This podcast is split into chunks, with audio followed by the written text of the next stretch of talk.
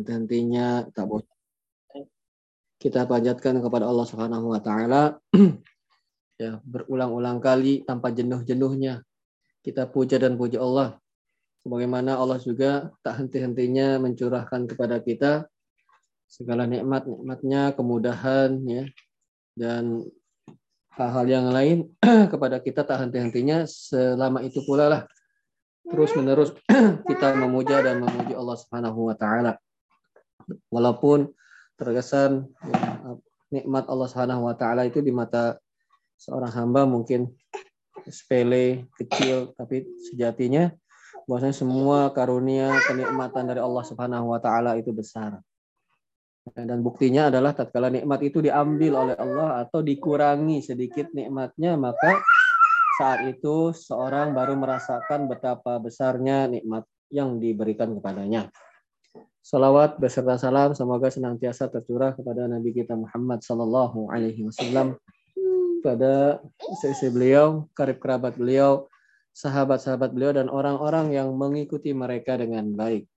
Alhamdulillah, Bapak yang dirahmati Allah, kita di bab terakhir dalam buku Kitab Tauhid ini.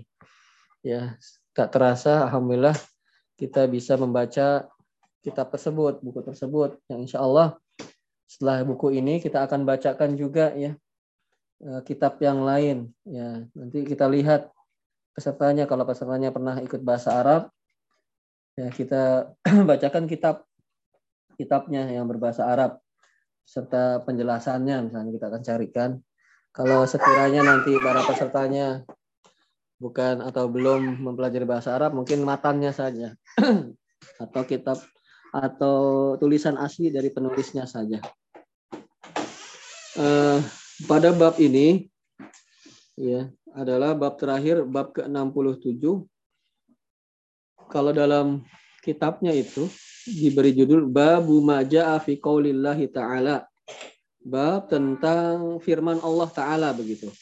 Tapi memang bab tersebut ya berisikan tentang keagungan Allah Subhanahu wa taala. Ya kemahatinggian Allah Subhanahu wa taala. Ya dibahas dalam bab terakhir ini. Pada bab ini, ya, penulis rahimahullah taala sebagaimana kebiasaan beliau ya menyertakan tiap bab itu dengan dalil-dalilnya baik dari Al-Qur'an ataupun dari hadis Nabi SAW. Apabila selain itu ya misalnya ada ucapan lain maka itu dalam rangka menjelaskan dalam Al-Qur'an ataupun dalam hadis-hadis Nabi SAW dan tidak kita temukan sedikit pun perkataan penulis. Sama sekali saya berkata begitu tidak pernah.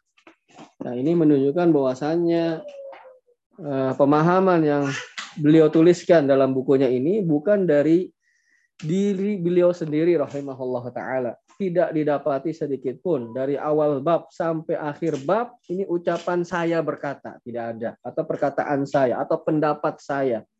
Tidak ada. Yang ada hanya qaulullah, qaul Rasul. Firman Allah, sabda Rasul. Perkataan para sahabat, perkataan para ulama itu pun dalam rangka menjelaskan ayat ataupun hadis. Ini menunjukkan bahwasanya akidah beliau itu bukan rekayasa dibuat-buat oleh beliau sendiri, tapi beliau mencontoh ya mengikuti orang-orang yang sebelum beliau dari kalangan para ulama. Bab ini ayat yang beliau nukil adalah surat apa itu?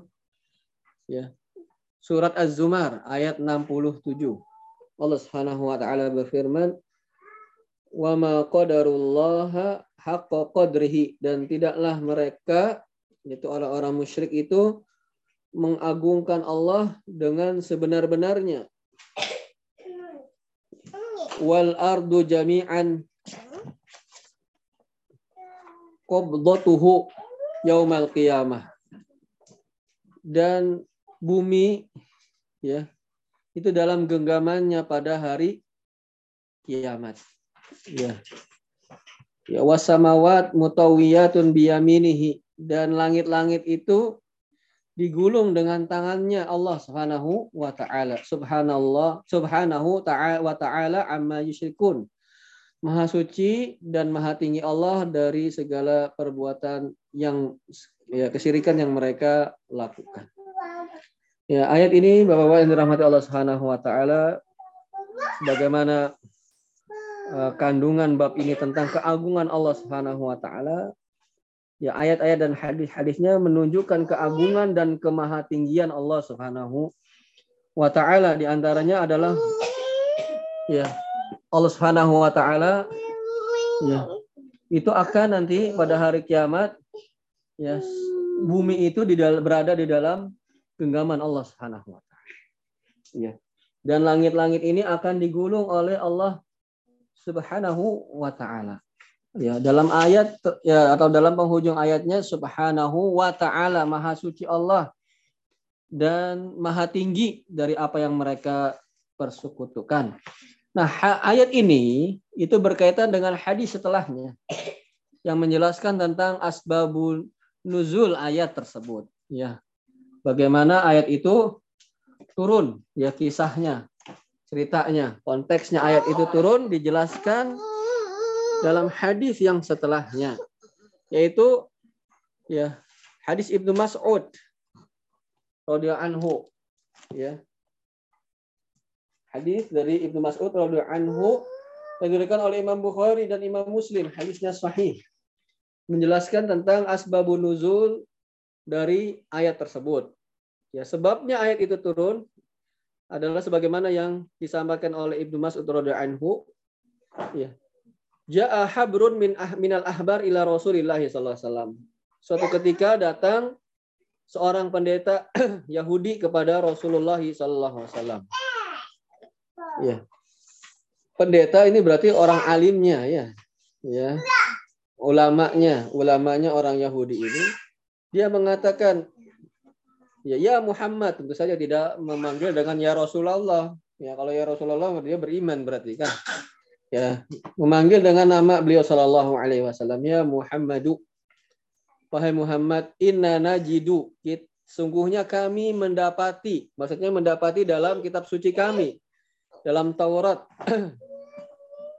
Annallaha yaj'alus samawati ala isba' sungguhnya Allah meletakkan langit di atas satu jari. Wasyajar ala isba' ya. Dan apa? Dan meletakkan langit-langit apa Ya Muhammad an inna najidu anallah yaj'alu samawati ala isba meletakkan langit di atas satu jari wal ardina ala isba dan bumi-bumi itu di atas satu jari wasyajar ala isba ya dan pepohonan pada satu jari wal ma ala isba dan air di atas satu jari wasaru ala isba dan uh, tanah di atas satu jari wasairul khalqi ala isba dan ya uh, seluruh makhluk itu di atas satu jari. Fayaqul maka Allah berkata, Anal Malik, aku adalah sang penguasa, sang raja di raja. Ya. Itu ada dua makrifah tuh ana sama al Malik. Ana kan makrifah dia domir. Al Malik itu kan makrifah ada alif lamnya. Ya, itu menunjukkan uh, apa pembahasan pembatasan hasr namanya. Saya adalah sang raja itu, sang maha kuasa itu. Ya. Kemudian fadohika Nabi Shallallahu Alaihi Wasallam, maka Nabi pun tertawa hatta badat nawajiduhu sampai nampak gigi seri beliau. Ya. Kenapa beliau tertawa? Ya. Tasdiqon li qaulil habar karena membenarkan ucapan pendeta itu. Summa qara'a. Kemudian beliau membacakan wa ma qadarullah haq wa ma qadarullah haqqa qadrihi wal ardu wal ardu jami'an qabat qabatu qabadat qabatuhu yaumal qiyamah. Dan apa? Dan bumi itu berada dalam genggamannya pada hari kiamat. Inilah asbabun nuzul atau kisah kenapa ayat tadi turun bahwasanya Eh, yaitu ada seorang pendeta yang datang kepada Nabi Shallallahu Alaihi Wasallam. Dia mengatakan bahwasanya di Taurat ada penjelasan bahwa hari kiamat nanti semua itu ada dalam satu jari. Nah ini bisa kita lihat eh, Bapak yang dirahmati Allah. Kalau kita lihat redaksi hadisnya, Inna najidu anallaha yaj'alu samawati ala isba' langit-langit di satu jari wal ardina ala isba' Nah, bumi di satu jari. Nah, kalau kita lihat nih, ini masa, makanya fungsinya kita belajar bahasa Arab itu ingin menikmati dan menyelami hal-hal seperti ini ya. Ya, bahwasanya kalau kita belajar bahasa Arab kita tahu tuh. Yang pertama namanya nakiroh ya. Inana jidu anallah ya ja'alu samawati ala isba'in. Isba' itu kan nakiroh, nggak ada alif lamnya di sana. Ya wal ardina ala isba'in juga kan nakiroh. Dan Allah akan apa? Uh, akan uh, bumi-bumi uh, ini ya dengan lapisan-lapisan buminya itu dalam satu jari nakiroh. Itu menunjukkan kalau nakiroh nakiroh seperti ini bahwasanya yang kedua itu bukan yang pertama. Berarti langit di atas satu jari. Bumi di atas satu jari yang lain maksudnya. Pohon di jari yang lain. Air di jari, jari yang lain. Tanah di jari yang lain. Ini karena kenapa? Karena disebutkan nakiroh. Kalau nakiroh, nakiroh, nakiroh itu berarti yang pertama itu bukan yang kedua.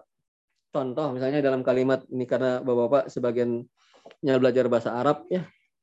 Ja'a rojulun wa rojulun. Datang seorang laki-laki dan laki-laki, maka laki-laki yang kedua bukan yang pertama.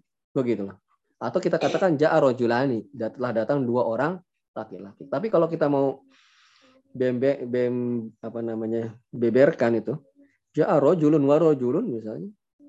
Maka rojulun yang kedua bukan yang pertama. Ini fungsi kita mengetahui dari lafat-lafatnya. Maka semua hal tersebut ada dalam jari jemarinya Allah Subhanahu wa taala. Nah, itu sesuai dengan ayat. Ya. Yaumal qiyamah pada hari kiamat apa eh, wal arduna jami'an qabdatuhu dan bumi dan semuanya itu berada dalam genggaman Allah Subhanahu wa taala. Berada dalam tangannya Allah Subhanahu wa taala. Yang perlu kita ketahui ketika membahas hal, hal seperti ini, bahwasanya Allah memiliki tangan. Ya, karena Allah sendiri yang mengatakannya. Ya, siapakah yang lebih tahu tentang dirinya melainkan Allah Subhanahu wa taala. Ya, Allah Subhanahu wa taala memiliki tangan. Dalam surat yang lain ya, yang menggambarkan tentang orang-orang Yahudi yang keterlaluan kepada Allah Subhanahu wa taala ya. Yadullahi maglulah. Itu surat apa ya? Sebentar saya lupa itu suratnya. Hmm. surat al-maidah ya. Surat al-maidah ayat 64 Waqalatil Yahud yadullahi maglulah. Orang Yahudi mengatakan tangan Allah itu terbelenggu, gulat aidihim. Kata Allah tangan mereka yang terbelenggu, yang terikat, walu'inu bima qalu mereka dilaknat sebab apa yang mereka katakan bal yadahu mabsutotani. Bah akan tetapi kedua tangan Allah itu terbentang. Kalau Bapak lihat di surat apa?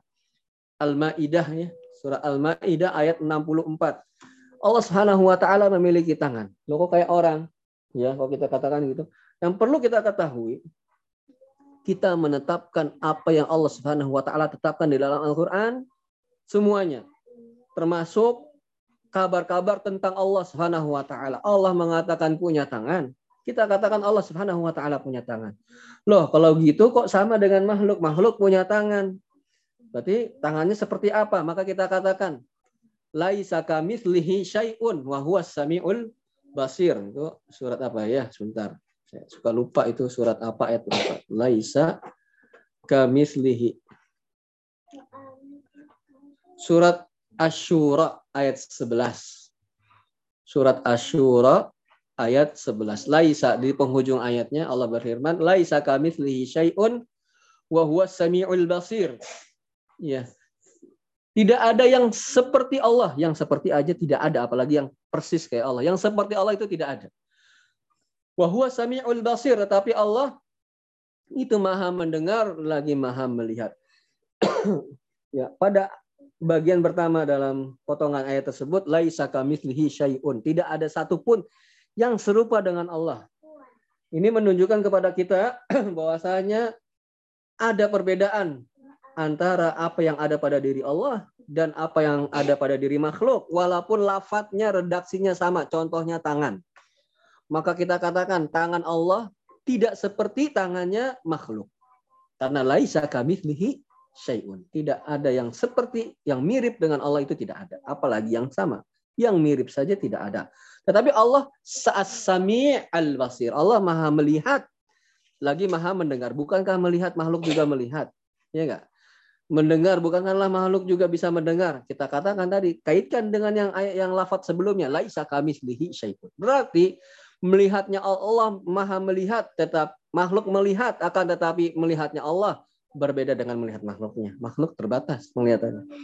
Allah mendengar, makhluk mendengar, tetapi pendengarannya Allah itu tidak seperti pendengaran makhluknya. Dan pada hal ini pun sama. Allah memiliki tangan, Allah memiliki jari, akan tetapi tangan Allah dan jari Allah tidak seperti makhluknya. Seperti apa? Allahu a'lam bishawab. Karena tidak ada keterangan dari Al-Qur'an menjelaskan gimana-nya. Ya, rinci sifat dari tangannya itu tidak ada keterangan. Itu merupakan hal gaib dan hal yang gaib tidak bisa kita katakan, kita bisa klaim kecuali dengan adanya dalil dari Al-Quran ataupun hadis Nabi SAW. Kita katakan Allah punya tangan, tetapi berbeda dengan tangan makhluknya, tangannya seperti apa tidak tahu. Allahu alam bisawab. Karena tidak ada keterangan tentang hal tersebut. Allah memiliki jari, makhluk punya jari akan tetapi jarinya Allah berbeda dengan jari makhluknya. Seperti apa jarinya? Apa ada ruas jarinya? Ada kukunya? Allahu a'lam. Karena tidak ada keterangan berkaitan dengan hal tersebut, maka tidak tidak memberanikan diri untuk mengatakan hal-hal yang gaib tanpa adanya keterangan dari Allah Subhanahu wa taala. Karena yang mengetahui hal gaib itu adalah Allah Subhanahu wa taala. Nah, Allah mengabarkan dirinya bahwasanya Allah memiliki tangan, eh, mengabarkan dirinya melalui lisan Nabi Muhammad SAW dalam hadisnya Allah memiliki jari. Nanti kita tetapkan Allah punya tangan, Allah Subhanahu wa taala memiliki jari sebagaimana dalam uh, hadis yang yang sahih ini yang diriwayatkan oleh Imam Bukhari dan Muslim. ya. Kemudian ya, berkaitan dengan hal ini juga ya. Dalam hadis selanjutnya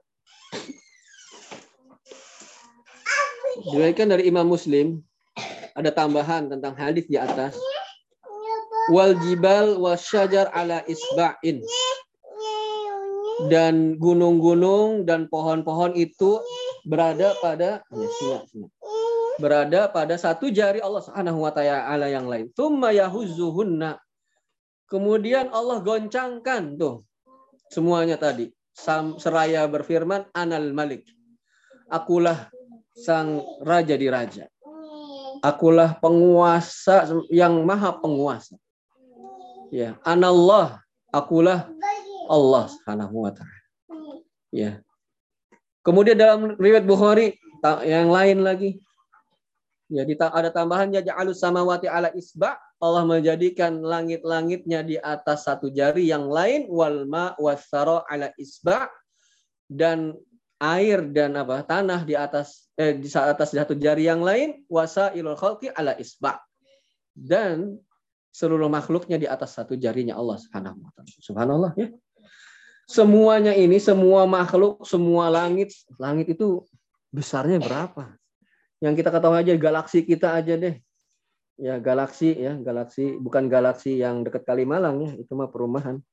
Galaksi kita ini berapa luasnya? Galaksi yang dekat Kalimalang aja luas. Apalagi galaksi alam semesta ini. Itu belum alam semesta, baru satu galaksi. Belum langit berada berapa lah, ditemukan apalah. Galaksi yang baru itu berapa berapa luasnya? Ya, ini di atas satu jari. Langit di atas satu jari. Bumi.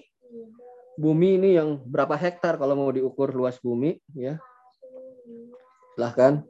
Berapa luasnya tuh? Itu di atas satu jarinya Allah Semua makhluk. Ya, di atas satu jarinya. Langit, bumi, di antara keduanya, di dalam keduanya, ya, dan makhluk-makhluk Allah yang lain, malaikat, ya, dan seterusnya dan seterusnya.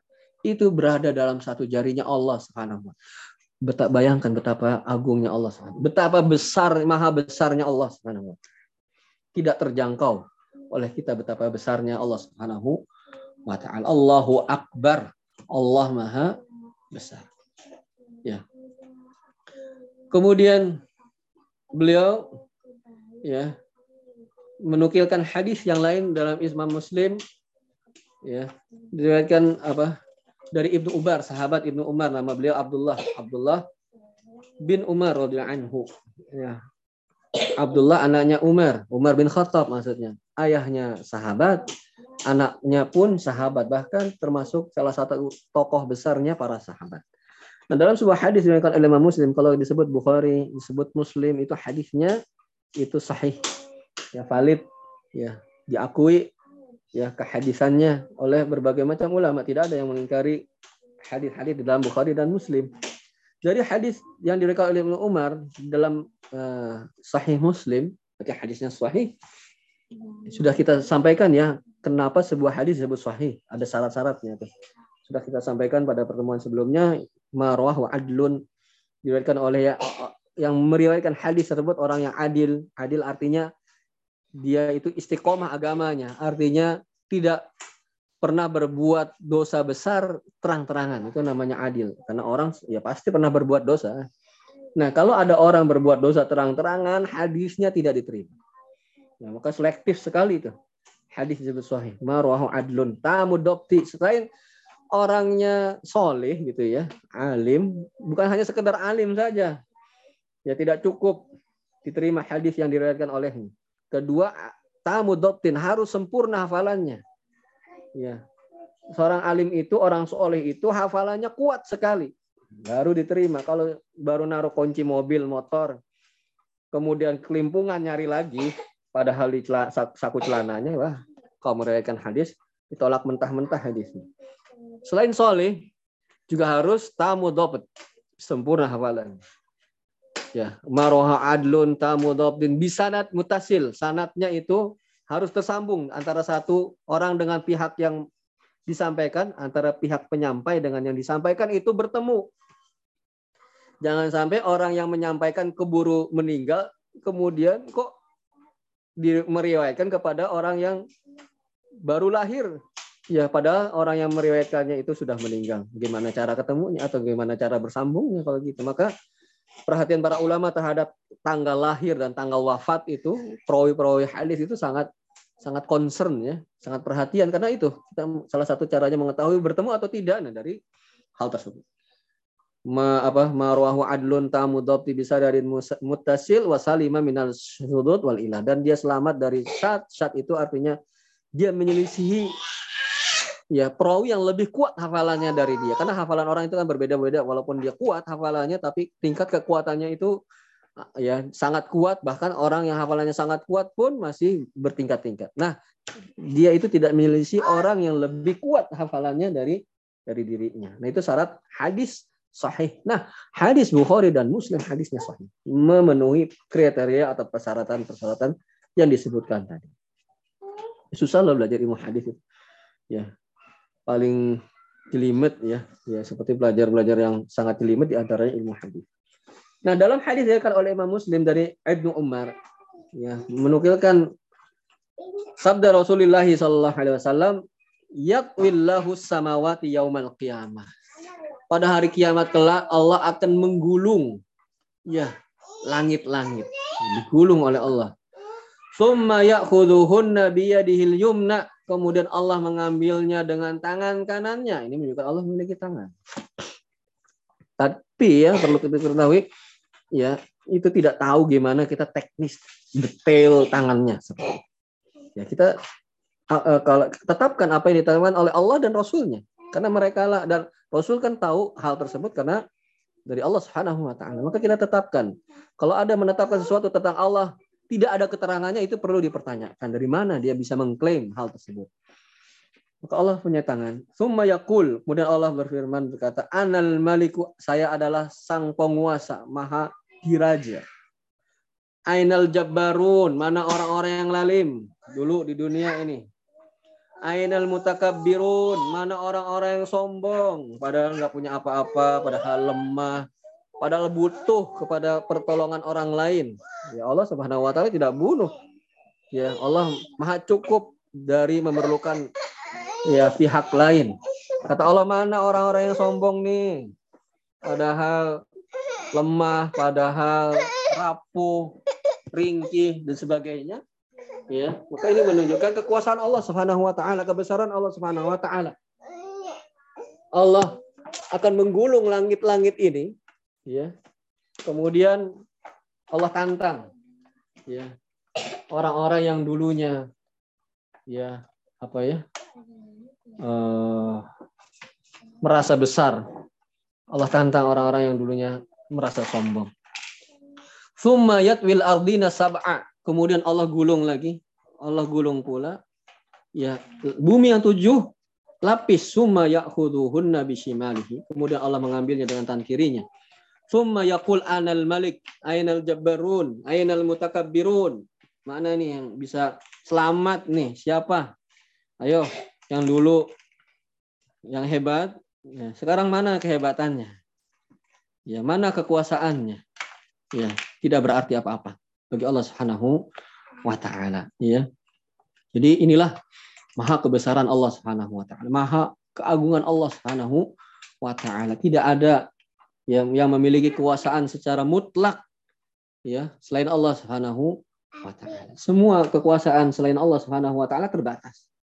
Dia tidak bisa menguasai yang tidak di bawah kekuasaan. Ya, setiap orang yang memiliki kekuasaan, kekuasaan, kekuasaan dia terbatas sekali. Tidak bisa dia ya me, apa ya me, me, apa, mengatur dan sepertinya yang hal seperti itu pada yang dibawa yang bukan kekuasaan. Dia hanya berkuasa pada hal-hal yang dia memiliki kekuasaan terhadap hal tersebut saja. Pada yang tidak dia miliki atau dia eh, kekuasaan orang lain dia tidak bisa memiliki andil dalam untuk mengaturnya, memilikinya dan seterusnya. Kemudian waruya an Ibnu Abbas. Ini juga yang menunjukkan bagaimana kebesaran Allah, keagungan Allah Subhanahu wa taala. Diriwayatkan dari Ibnu Abbas dalam sebuah hadis ya. Ya sahih.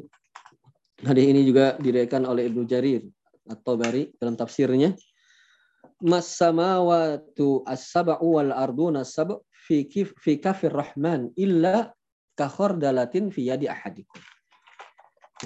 Tidaklah langit-langit yang tujuh lapis itu. Ini karena langit itu berlapis-lapis ya, memiliki lapisan. Lap, tujuh lapis langit itu dan bumi tujuh lapis itu fi kafir rahman dal di telapak tangannya Allah ila ka khardalatin melainkan hanya seperti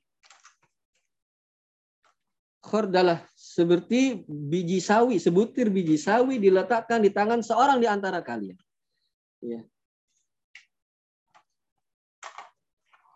Jadi bahwa yang dirahmati Allah Subhanahu wa taala, langit ini semuanya langit mau galaksinya apa yang belum diketahui yang sudah diketahui oleh manusia. Bumi ini ya itu dan tentu saja dengan semua penghuni di dalam keduanya atau di antara keduanya ya kalau ada makhluk di antara langit dan bumi termasuk itu. Itu kalau semuanya ditaruh di telapak tangan Allah Subhanahu wa taala. Itu ya ini agar sedikit memberikan pendekatan pemahaman kepada kita bagaimana sih Allah maha besarnya Allah maha agungnya Allah. Itu semua itu kalau diletakkan di telapak tangan Allah itu ya seperti Khordalah, khordalah itu sering diterjemahkan biji sawi ya, tapi arti khordalah itu sendiri bukan biji sawi, maksudnya suatu dari tumbuhan yang paling kecil gitu loh. Yang sering di apa diutarakan untuk menggambarkan kecilnya sesuatu. Itu khordalah. Aslinya bukan biji sawi. Ya. Khordalah adalah suatu bagian dari apa? tumbuhan yang kecil.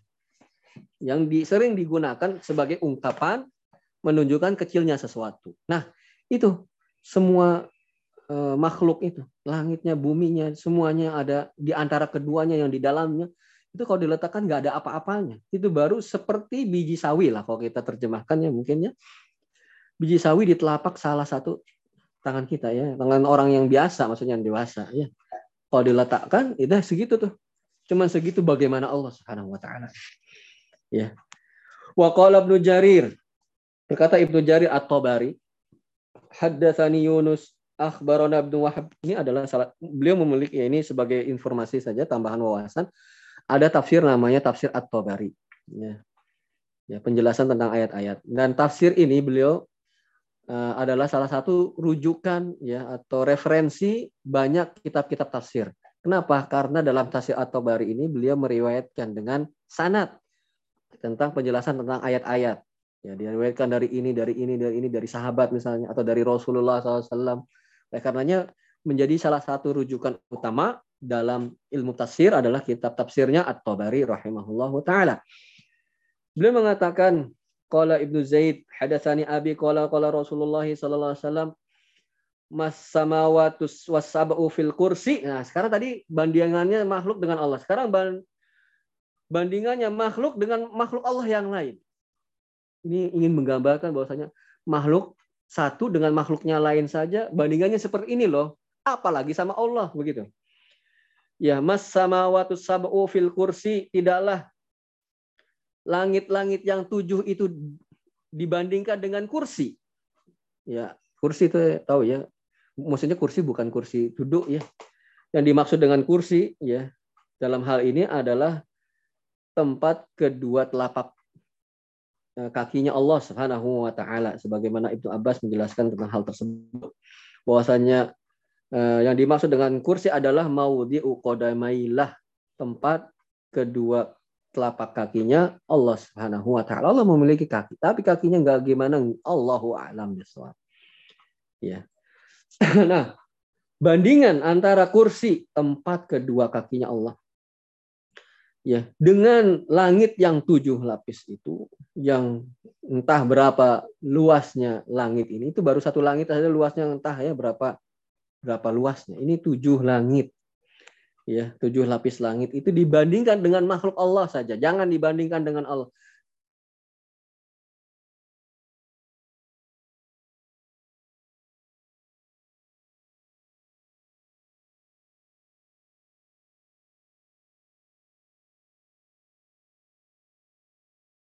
yang dilemparkan di perisai.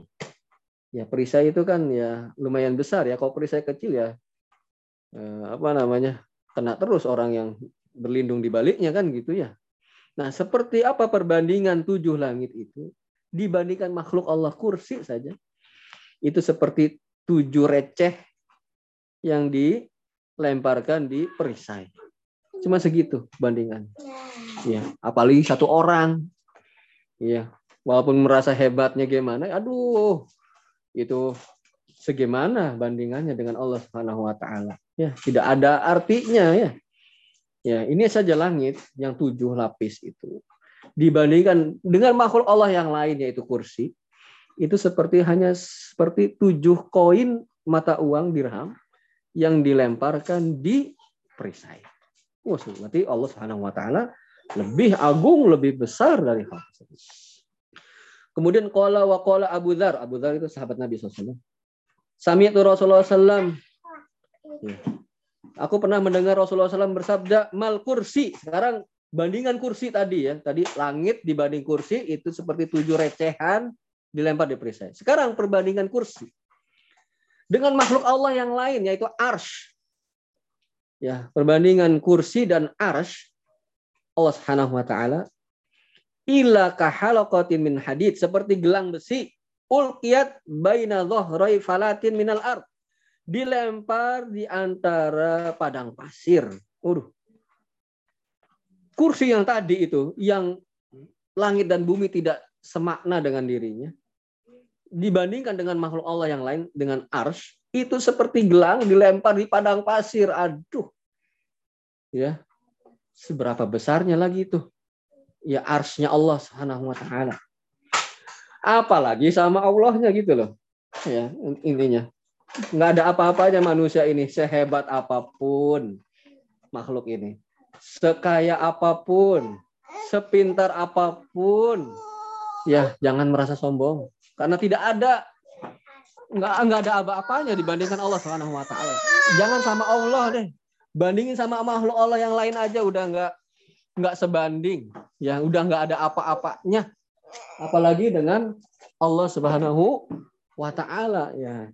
Maka ini juga menunjukkan kepada diri kita bahwasanya kita itu adalah lemah.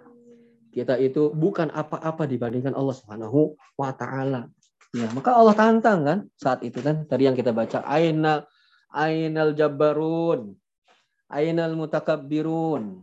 Ya Nah, sekarang juga akan melihat perbandingan ya makhluk dengan makhluk Allah Subhanahu wa taala yang lain. Ini menggambarkan Allah itu kayak gimana sih? Ya Allah nggak nggak kejangkau betapa besarnya Allah, betapa agungnya Allah Subhanahu wa taala. Wa an Ibnu Mas'ud dan dari Ibnu Mas'ud sahabat Nabi SAW Abdullah juga namanya anaknya Mas'ud Mas'ud juga sahabat Qala baina sama'id dunya wallati taliha khamsumi'ati am jarak antara langit dunia dengan langit setelahnya. Karena langit tadi kita sampaikan tujuh lapis ya. Jarak antara ya satu langit dunia aja belum apa namanya belum terobservasi dengan secara menyuluh ya. Belum ada penjelajahan secara ya menyuluh. Nah, ini apalagi langitnya bukan satu lapis. Langitnya tujuh lapis. Aduh, segimana luasnya itu. Ya, sebesar betapa besarnya satu makhluk Allah langit aja yang tadi tidak ada arti apa-apanya dengan dengan kursi. Yang kursi tidak ada apa arti apa-apanya dengan arasnya Allah. Jarak antara langit dunia dengan langit yang setelahnya ya adalah 500 am, 500 per 500 tahun. Jaraknya 500 tahun. Ke langit selanjutnya baru sampai. Wa baina kulli sama'in wa sama'in khamsa khamsumi mi'ati am dan jarak antara satu langit dengan langit yang lainnya pun sama 500 tahun. Ya. Berarti kalau tujuh lapis berapa jaraknya tuh? Bapak-bapak yang dirahmati Allah. Berapa Bapak-bapak? 350 tahun. Eh, tiga. Tujuh lapis ya.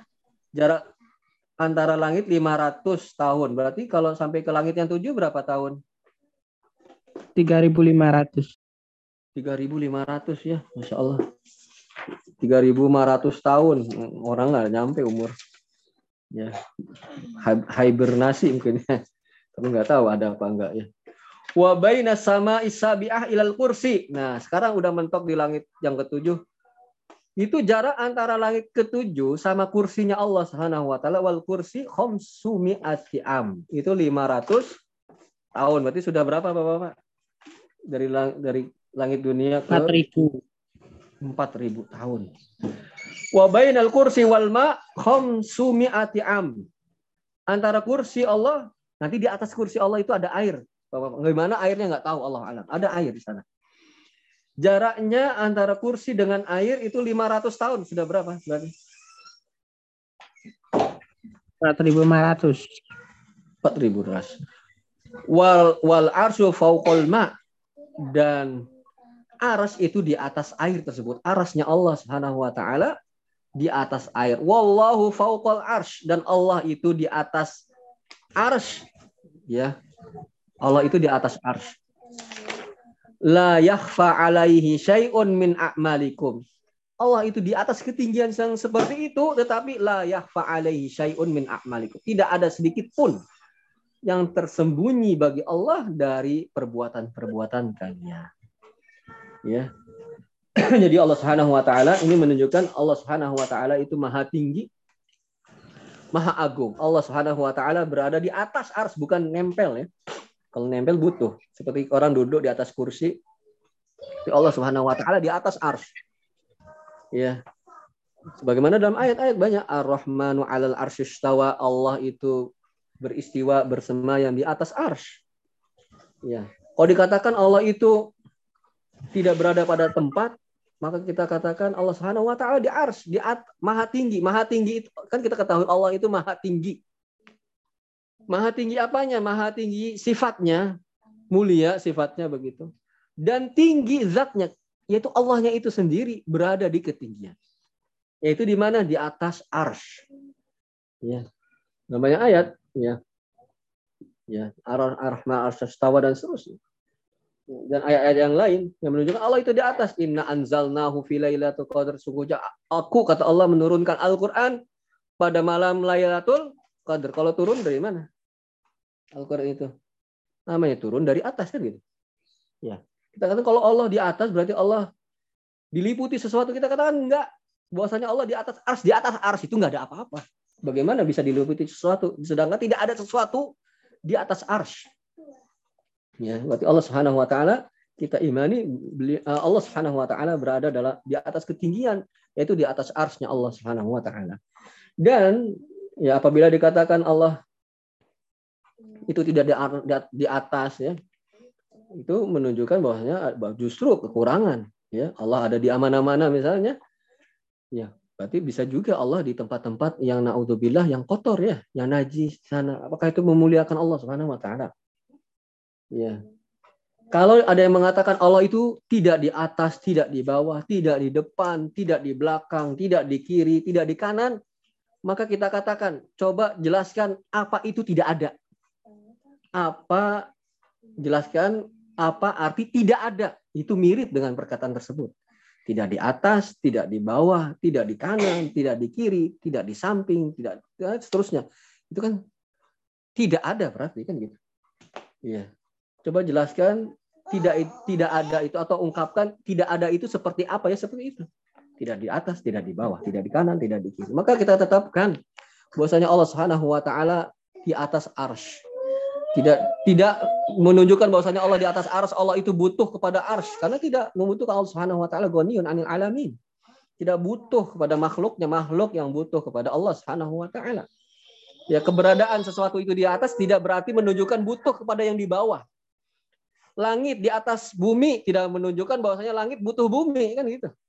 Ya, kita, katakan seperti hal tersebut. Ya kita tunjuk, kita yakini saja Allah kan yang maha tahu Allah itu tentang dirinya Allah. Kalau Allah mengatakan Allah di atas ars, maka kita yakini Allah itu berada di atas ars. Gitu. Baik. Kemudian hadis yang selanjutnya dari Abdullah bin Abbas. Ya, afan dari Al Abbas ayahnya beliau ya bin Abdul Muthalib Qala qala Rasulullah sallam hatta druna kam baina sama iwal ard. Kalian tahu tidak ya jarak antara langit dan bumi Qulna Allah wa rasuluhu a'lam. Allah dan rasulnya yang mengetahui. Bainahuma masiratu khamsimi'ati sanah. Ini menguatkan hadis yang sebelumnya ya. Antara langit dan bumi itu jaraknya 500 tahun. Wa min kulli sama ila sama masiratu khamsimi'ati sanah. Dan jarak antara tiap langit itu 500 tahun. Ya. Wa kisafu wa kisafu kulli samain masiratu khamsimi'ati sanah. Ya. Dan tebal Ya tebal setiap langit itu 500 tahun. Wa baina sama isabiah wal ars bahrun. Dan antara langit yang ketujuh dengan ars itu ada bahr. Ada laut, ada air. Ya. Baina asfalihi wa a'lahu kama baina sama'i wal ard. Tebalnya berapa? Air tersebut, laut tersebut, air ya. Air tersebut jaraknya berapa? Seperti jarak langit dengan langit. Atas dan bawahnya itu seperti langit dengan langit. Wallahu taala fauqa.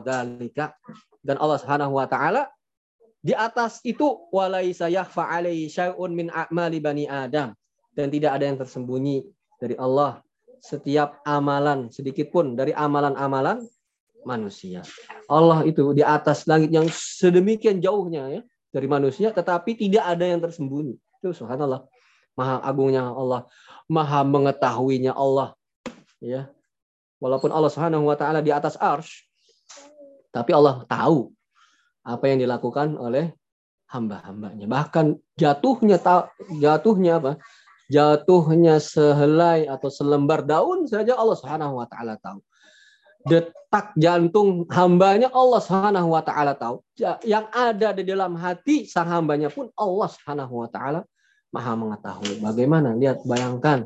Itu dari satu sisi menggambarkan betapa agungnya Allah Subhanahu Ya, jadi ini menunjukkan banyak hal kepada kita Bapak yang dirahmati Allah Subhanahu wa taala. Menunjukkan bahwasanya Allah Subhanahu wa taala Maha tinggi.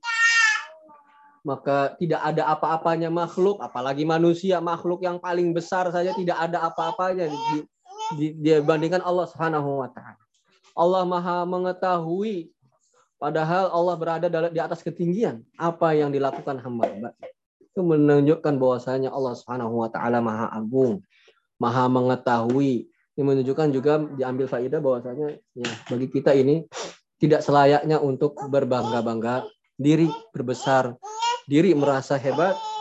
Padahal kita sejatinya itu adalah makhluk di antara makhluk-makhluk Allah yang Subhanahu wa taala yang lemah, yang kecil dibandingkan makhluk yang lain saja tidak ada arti apa-apanya.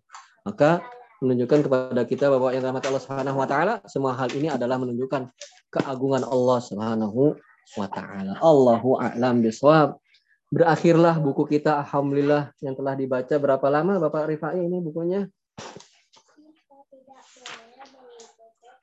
Halo Bapak Rifai. Ustaz, udah mungkin tahun dua tahun ya. Oh, subhanallah ya. Alhamdulillah ya, dikit demi dikit. Dia udah, Selesai ya. Udah diulang Ustaz dua kali. Ini yang kedua. Iya, sudah diulang ya. Masya Allah, Alhamdulillah. Nah, setelah ini insya Allah kita akan melanjutkan ke kas, apa namanya? Al-Qawaid Al-Arba. Empat kaidah dalam mengetahui tauhid dan syirik. Ya. Apa sih gimana sih tauhid, gimana sih syirik? Apakah syirik itu artinya tidak mengakui Allah gitu saja? Ya, maka kita akan dan itu bukan ya. Ya, bukan hanya itu. Kesyirikan di zaman Rasulullah bukan itu. Orang-orang musyrik di zaman Nabi bukan tidak percaya sama Allah, bukan. Bukan tidak percaya Allah Maha me- apa pencipta, Allah Maha mengatur segala urusan, menghidupkan dan mematikan, bukan itu. Mereka mengakui, nanti kita bahas dalam buku tersebut. Orang-orang musyrik juga bukan tidak beribadah kepada Allah. Mereka melakukan peribadahan kepada Allah. Kalau kita ketahui, kalau kita baca nanti ya, orang-orang musyrik di zaman Nabi itu bukannya tidak beribadah kepada Allah. Mereka melakukan peribadahan kepada Allah. Mereka mengakui Allah. Tapi ada unsur kesyirikan. Kenapa terjadi kesyirikan pada diri mereka?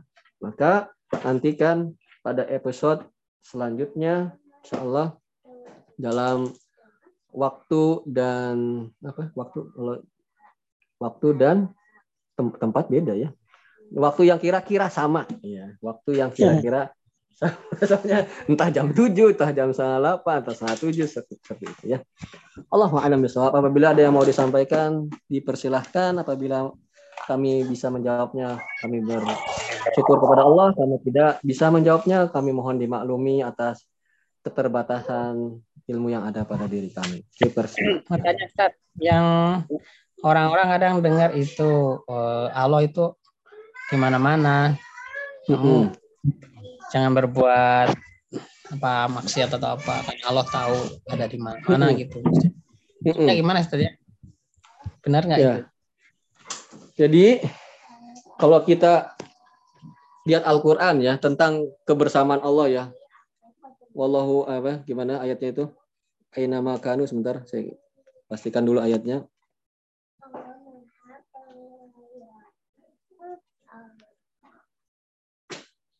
Aina makanu masalah rabbihum ke eh, aina ma kuntum gitu ya. Sebentar, saya pastikan ayatnya dulu.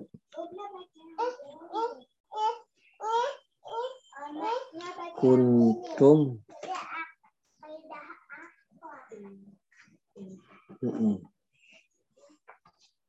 Baik.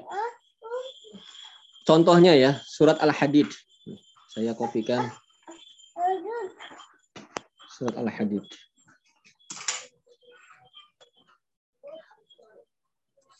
Oke pendapat itu salah dalam memahami ayat ayat seperti ini sebentar saya kopikan ya cat. Sip. Nabi Muhammad adalah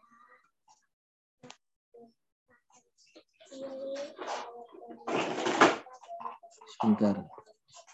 Terjemahannya saya kopikan.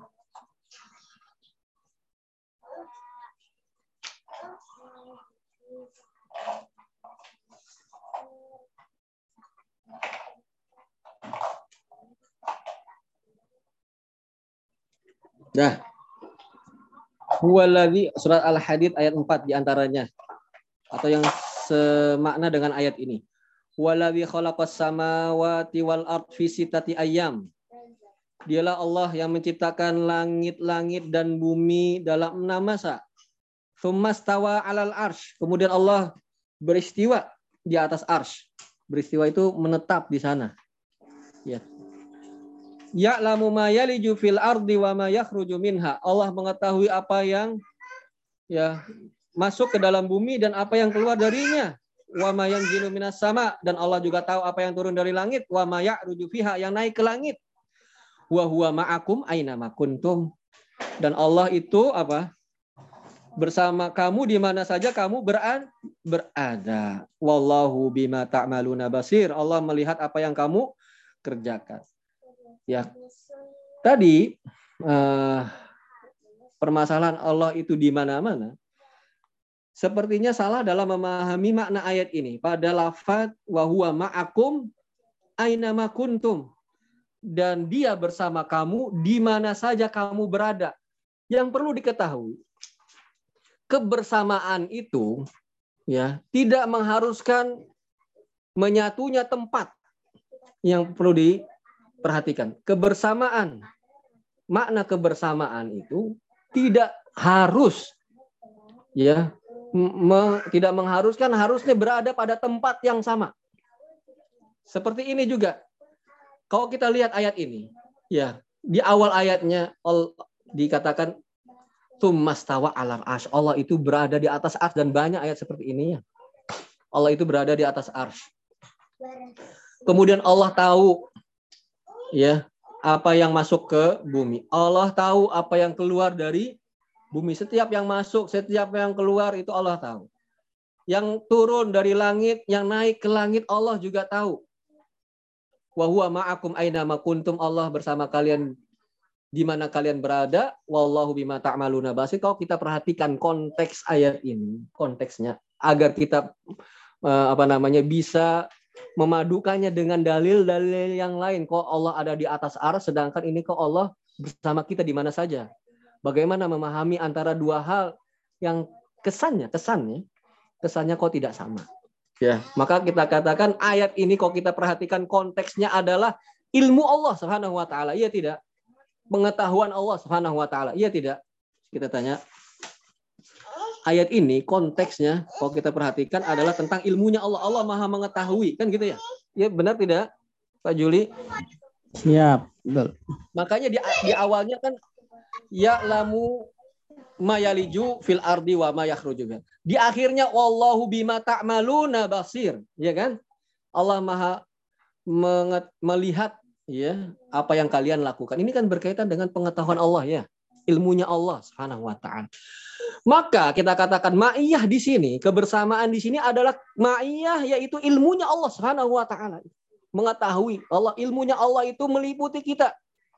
Allah tahu bagaimana keadaan kita gimana pun ya, apa pun yang kita lakukan Allah tahu. Nah, itu kebersamaan Allah maksudnya dalam ilmunya Allah Subhanahu wa taala. Ilmunya Allah yang menyertai kita. Karena konteks-konteks ayat ini yang seperti ini, kalau kita perhatikan deh, seperti hal ini, ayat-ayat yang semakna dengan ini konteksnya adalah berkaitan dengan ilmunya Allah Maka kita katakan ilmunya Allah itu menyertai kita di mana pun kita berada. Bukan zatnya Allah yang menyertai kita. Di mana pun kita berada. Karena dalam dalil-dalil yang lain menunjukkan Allah itu di atas ars, Allah itu di atas langit. Seperti banyak tadi hadis-hadis yang kita sampaikan. Ayat-ayat juga Allah menunjukkan Allah di atas arsnya. Nah, bagaimana kalau kita menafikan ayat-ayat tersebut? Kita nafikan hadis-hadis yang menunjukkan Allah di atas. Maka cara memahaminya adalah dengan menggabungkan semua hal tersebut. Kita melihat dalil itu secara komprehensif semuanya. Tidak mengambil satu dalil, meninggalkan dalil yang lain. Ya, Allah di atas, arash, Allah di, letaknya di atas, keberadaan Allah adalah di atas. Ya, kok ada dalil lain Allah bersama bersama makhluknya? Maka kita katakan kebersamaan itu adalah kebersamaan ilmunya Allah kita katakan tadi kebersamaan itu tidak melazimkan, mengharuskan satu tempat dengan dengan yang apa namanya dengan tempat yang berbeda. Jadi kebersamaan misalnya contohnya, ya ini mudah dan praktis ya.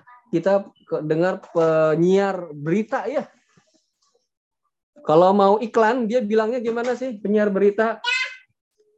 Masih ingat nggak yang suka nonton berita? Bapak Rifai? Ingat nggak kalau penyiar berita di TV mau ada iklan, dia bilang apa? Jangan ke mana-mana, tetap bersama Terus, kami. Eh, tetap bersama kami. Apakah kita di studio penontonnya, Pak Juli? Enggak. Enggak. Ya, tapi dikatakan Hah? kebersamaan. Ya. Itu tidak mengharuskan satu tempat, menyatunya tempat ketika bersama. Doa doa Bapak dan Ibu bersama kamu, Nak. Apakah Bapak Ibunya juga ikut? Ya kan enggak? Ya. Hal seperti itu. Ya, sebagai apa pemahaman praktis ya menunjukkan bahwasanya kebersamaan itu tidak mengharuskan, tidak harus itu menyatunya tempat pada saat itu. Nah, jadi bahwasanya pemahaman Allah di mana-mana itu bisa jadi timbul dalam salah memahami ayat-ayat yang seperti ini. Kebersamaan dengan makhluknya. Disangka kebersamaan secara zatnya Allah. Kalau ini gimana ayat Allah Ar-Rahman ala arsyis Gimana ayat ini di awal wa khalaqas samawati wal arda fi sati ayamin tsumma stawa 'alal arsy. Bagaimana dengan hadis-hadis yang kita baca tadi Bukhari Muslim Bukhari Muslim? Gimana apakah kita nafikan hadis itu? Maka tidak tentu saja. Maka kita gabungkan semua dalil-dalil ini, maka kita pahami dengan segala sudut sisinya, kita katakan Allah berada di atas arsh, berada di atas langit, tetapi ilmu Allah Subhanahu wa taala menyertai hamba-hambanya. Oleh karenanya Allah yang berada di atas langit tidak ada yang tersembunyi. Apa yang kita lakukan, yang hamba lakukan itu sedikit pun dari Allah Subhanahu Itu menggabungkan antara pemahaman ayat-ayat yang bermakna seperti ini dengan hadis-hadis yang kita sebutkan tadi. Bisa diikuti Pak Juli? Siap, salah Ustaz. Ya. Jadi kita kan yang tahu tentang Allah itu adalah Allah. Maka kita tetapkan, yakini apa yang Allah katakan dalam Al-Quran atau melalui lisan Nabi Muhammad Sallallahu Alaihi Wasallam tentang Allah, karena Allah lah yang lebih mengetahui tentang Allah itu sendiri. Ketika kita mengklaim Allah begini, Allah begitu, kan itu harus ada landasannya. Ya, kita saja mengklaim orang lain begini dan begitu, orangnya bisa marah. Itu orang ya, bukan Allah. Ya, ini pendekatan saja ya, bukan berarti Allah itu seperti orang. Seandainya orang kita klaim dia tuh begini, dia tuh begitu, sedangkan tidak ada keterangan dari yang bersangkutan, maka bersangkutannya kan marah, ya atau tidak suka paling minimal kan gitu ya. Ini berkaitan dengan Allah lebih lagi. Harus dengan apa yang Allah katakan dalam Al-Quran atau firmankan dalam Al-Quran, Adapun yang disampaikan oleh Nabi kita Muhammad Sallallahu Alaihi Wasallam yang berkaitan tentang Allah Subhanahu Wa. Kalau kita katakan Allah begini dan Allah begitu, kita katakan siapa yang lebih tahu tentang Allah? Apakah diri kita ataukah Allah? Kalau kita katakan diri kita bisa kufur itu. Kalau kita katakan Allah sudah benar. Kalau gitu kan ya kita tetapkan eh, Allah yang lebih tahu tentang Allah itu sendiri, maka kita tetapkan sebagaimana apa yang Allah itu ucapkan, yang firman kan kan gitu. Ataupun yang Allah ya berikan ilmunya kepada Nabi kita Muhammad SAW untuk disampaikan dalam hadis-hadisnya begitu. Maka itu cara yang selamat untuk memahami hal-hal yang berkaitan dengan Allah Subhanahu wa taala. Karena Allah lah yang tahu tentang Allah itu sendiri. Ya, kita tidak berkata tentang Allah melainkan apa yang Allah Subhanahu wa taala ya, ceritakan atau kabarkan di dalam Al-Qur'an ataupun hadis-hadis Nabi Shallallahu alaihi wasallam. Allahu a'lam bishawab. Ya. Juga konsekuensi kita mengatakan Allah di mana-mana itu konsekuensinya ya bisa melecehkan Allah Subhanahu wa taala. Berarti kalau Allah di mana-mana, naudzubillah ya, Allah bisa di WC dong. Di dalam naudzubillah min dzalik. Subhanallah amma yaqul. Segala eh, Allah itu maha suci dari apa yang mereka katakan. Misalnya Allah di mana-mana berarti bisa dispiteng dong. Naudzubillah. Subhanallah amma yaf'alun, amma yaqulun. Ya, itu konsekuensinya kalau kita mengatakan Allah di mana-mana. Ya.